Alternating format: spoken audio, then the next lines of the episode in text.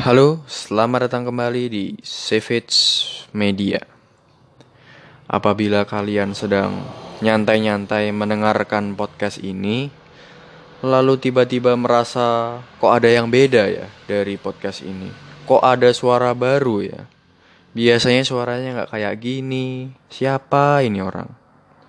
Ya sudah, Savage Food Media kedatangan orang baru, yaitu gua Dharma Kusuma alias Deka, sebutan admin di OA Savage Football di, di line.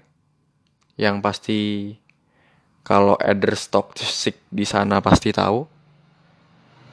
Dan gue ingin menjalankan debut di podcast ini. Layaknya Minamino di Liverpool.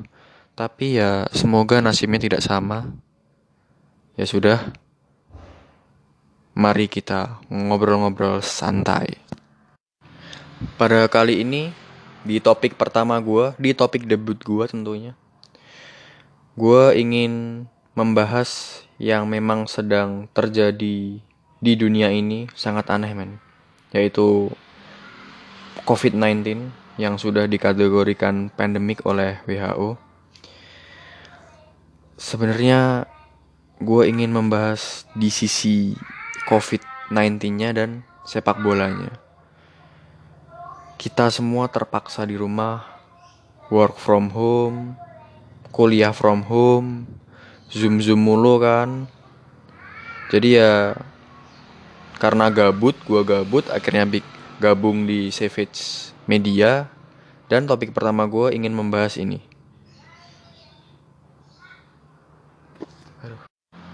Kita semua tahu virus ini berbahaya apabila kita tidak menjaga jarak. Sebelum lalu kita akan masuk nih ke tema sepak bolanya, kita akan membahas nih. Kalau COVID-19 ini jelas tidak memilih untuk menyerang siapa, bahkan pemain sepak bola pun ada yang positif COVID-19. Sudah sudah beritanya tersebar di mana-mana. Terutama di Italia yang paling banyak. Kalau di Serie A itu jelas men, banyak banget. Ada Daniel Rugani, Matuidi, Dybala ya kan. Terus pemain Sampdoria yang banyak banget. Bahkan Massimo Cellino, presiden Brescia kena. Di Liga Spanyol, Garay, Jose Gaya juga kena Wakil Presiden Barcelona bahkan kena jelas men ini nggak milih-milih. Di Inggris bahkan juga kena bah kayak Pepe Reina itu juga kena. Di Bundesliga juga pemain Hannover kena, Arteta, Odoi kena. Ini jelas dia tidak memilih-milih. Makanya saran gue bagi kalian adalah cobalah kita untuk sebisa mungkin bekerja di rumah, sekolah dari rumah, memenuhi kebutuhan dari rumah kalau bisa dan tapi ya memang kalau pemain sepak bola pasti lebih apa ya uh, recovery-nya dia lebih cepat. Odoi cuma butuh seminggu. Lalu juga kita semua tahu karena COVID-19 ini juga Liga Inggris dihentikan sementara, bahkan kita nggak tahu nih mulai lagi atau dihentikan sementara atau dibatalkan. Kalau bisa ya dibatalkan biar Liverpool tidak juara.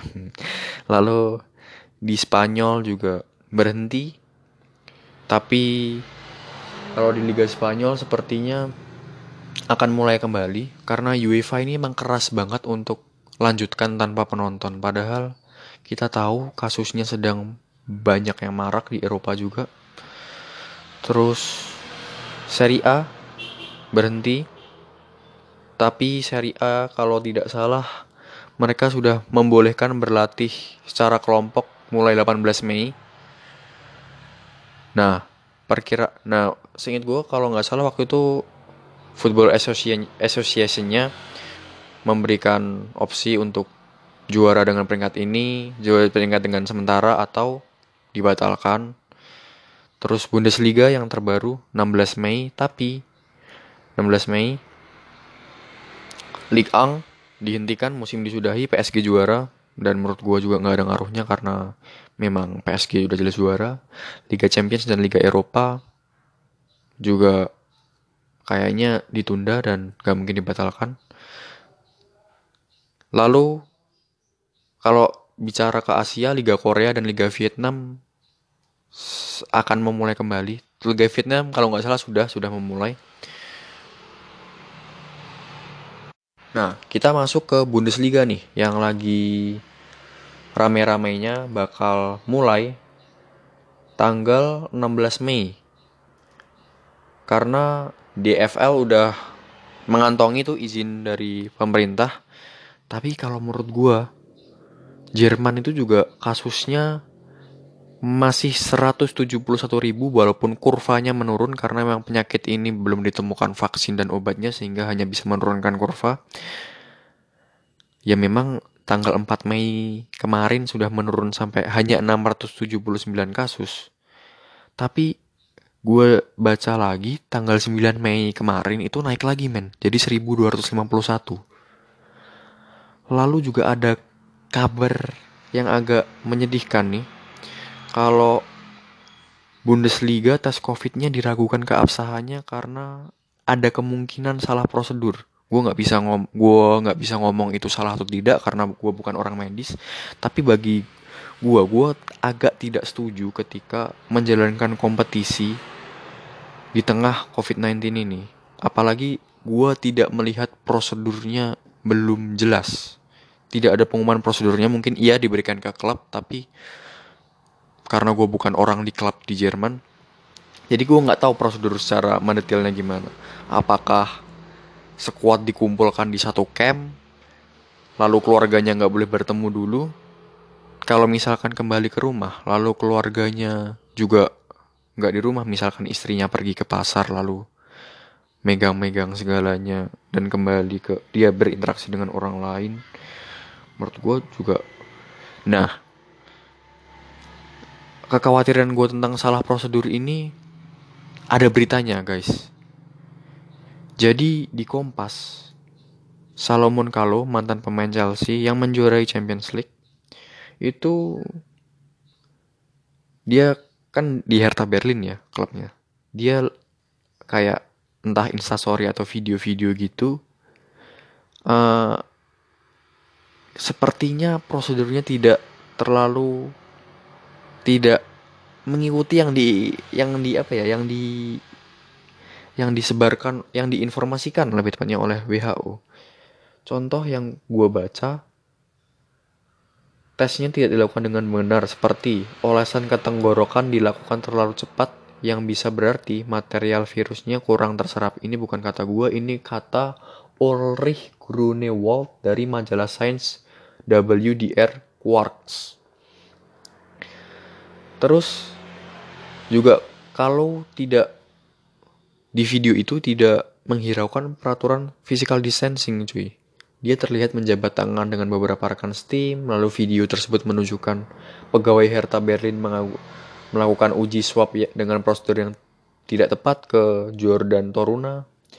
Yang seperti yang gue bilang tadi, olesan ke tenggorokannya tidak terlalu cepat. Lalu juga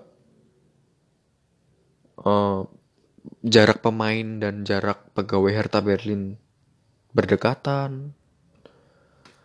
Terus juga dilihat lagi yang mengganggu keabsahan hasil tesnya ini, sang pegawai terlihat menyentuh lidah dengan stick sama untuk mengambil sampel, sampel di rongga mulut. Ini gue nggak tahu ya, videonya bener apa enggak atau bagaimana. Tapi kalau ini beneran terjadi, berbahaya men. Karena apa? Tesnya mungkin bisa negatif tetapi apa kevalitannya itu bisa tinggi. Sehingga orang itu dapat terinfeksi dan dapat menularkan virus tentunya. Gitu. Ya kalau saran gue memang benar. Bundesliga boleh jalan tanpa penonton. Tapi menurut gue lebih baik untuk kompetisi musim ini semua dihentikan sih termasuk di Bundesliga. Walaupun kurvanya sudah menurun tapi ya karena banyak kasus seperti ini salah prosedur salah ini salah itu lalu tesnya bisa ternyata kevalitan tesnya rendah kan bisa malah menambah pandemik ini kasusnya. Di Jerman apalagi yang lagi menurun. Tapi ya semoga pihak DFL segera melakukan klarifikasi atau pihak dari uh, Hertha Berlin atau bahkan Salomon kalau sendiri kalau misalkan memang ingin melakukan klarifikasi silahkan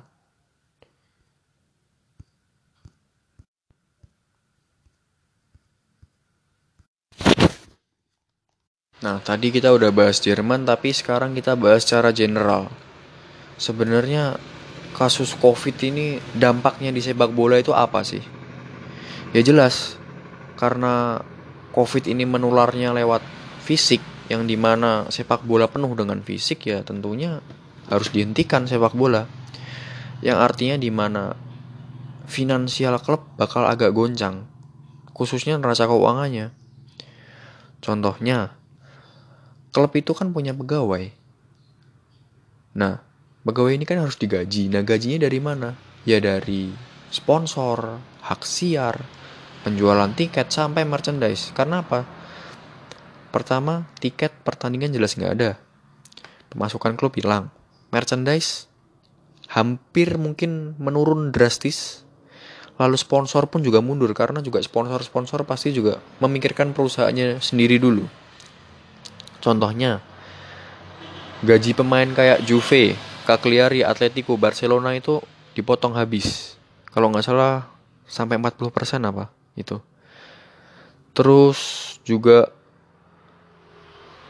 tentunya Euro dan Copa Amerika, Copa Amerika dimundurkan udah kita udah tahu semua. Nah, dari banyak klub yang memotong gaji Manchester United menjadi salah satu klub yang tetap memberikan gaji full kepada pegawainya. Menurut gue ini sebuah langkah yang sangat bagus, tapi juga tapi tapi gue tahu Ed Woodward itu walaupun dia nggak ngerti bola, tapi dia secara ekonomi dia pintar. Jadi gue gue yakin dia bisa mengurus masalah seperti ini. Nah, uh, tentunya dampaknya ada kemungkinan kompetisi dibatalkan. Kalau kompetisi dibatalkan, contohnya Liga Inggris, bayangkan Liverpool yang tahun ini luar biasa gue akuin mainnya, layak juara, dan kalau dibatalkan mereka harus menangis sedih bergulung-gulung 30 tahun lagi menunggu untuk juara Liga Inggris. Tapi kalau kita kalau apa pertandingan dilanjutkan tanpa penonton juga aneh juga ya. Kalau misalkan Liverpool ngangkat trofi selama 30 tahun di depan kursi kosong men. Memang jelas COVID-19 ini harus segera hilang karena dampaknya secara ekonomi dan secara entertainment itu sangat-sangat kurang dan sangat menggerus keseruan sepak bola tentunya. Nah, terus kalau udah terlihat gitu dampaknya seperti itu, kira-kira kapan sih COVID-19 ini berakhir? Gue banyak baca-baca research yang di mana prediksi-prediksi COVID-19 ini akan berakhir. Pertama gue pengen baca dari ini gue bahas yang di Indonesia aja dulu ya karena emang di Indonesia karena research di Indonesia tentunya dia berpatokan pada yang ada di dunia Contoh di FKM UI, Guru Besar Fakultas Kesehatan Masyarakat Indonesia, Universitas Indonesia, Askobat Gani mengatakan kalau wabah corona ini mungkin bakal selesai di Juni apabila masyarakat kita disiplin. Catatan itu. Menurut gue juga apabila masyarakat kita disiplin untuk tidak keluar-keluar rumah di saat yang tidak penting sama sekali kayak nongkrong-nongkrong. Soalnya jujur di kota gue sendiri di kota yang kecil pun gue ngeliat masih banyak yang nongkrong. Gila. Tapi gue pun keluar karena memang lagi cari makan. Cari makan keluar dibawa pulang. Gitu. Tapi masih banyak yang keluar. Jadi terus uh, di UGM pakar statistika UGM mengatakan kalau ini berakhir 29 Mei. Tapi menurut gue enggak men. Di Indonesia sendiri pun sampai sekarang masih nambah terus. 13 ribu sekian sekian gue lihat. Memang harus mendisiplinkan masyarakat tentunya. Nah kalau misalkan nih COVID-19 udah selesai kemungkinan sepak bola mulai bagaimana COVID-19 selesai tentunya menurut gue masih ada jeda entah sebulan entah berapa minggu untuk menyesuaikan sepak bola mulai seperti normal. Contohnya gue bakal ngelihat lu masuk stadion mau nonton sepak bola bakal dites bakal ada uh, alat thermal setiap masuk stadion wajib dites terus juga ini bakal jadi new normal. Di depan stadion bakal banyak tempat cuci tangan. Wajib cuci tangan. Di sana. Lalu juga ketika sepak bola mulai, para pemain sebelum pertandingan, sebelum latihan bakal dites dulu apakah apakah terkontaminasi COVID-19. Karena walaupun kurva menurun bahkan kasusnya nol, vaksin dan obat belum ditemukan. Kalau vaksin dan obat ditemukan, gue pun melihat ini bakal menjadi new normal bagi dunia sepak bola. Itu. Oke, sudah banyak gue kayaknya ngoceh dari tadi sebagai penutup, gue pengen mengucapkan kalian stay at home. Jangan keluar-keluar rumah apabila nggak penting. Terus juga karena juga masih banyak nih teman-teman gue yang lagi di Malang karena gue kuliahnya di Malang. Dia nggak bisa pulang, nggak bisa pulang kampung. Gue untungnya masih bisa. Jadi ya lebih baik seperti itu. Stay at home sampai semuanya berakhir. Sabar saja semua di, di di dunia semua dunia di seluruh penjuru dunia mengalami ini jadi di Indonesia jangan lebay kalau nggak nongkrong sehari kalian gila nggak bakal juga kalian tetap hidup kalau nggak nongkrong justru kalian kalau nongkrong keluar kalian yang akan mati gitu. Oke gua Dharma Kusuma atau admin Deka undur diri. Sampai jumpa di episode podcast selanjutnya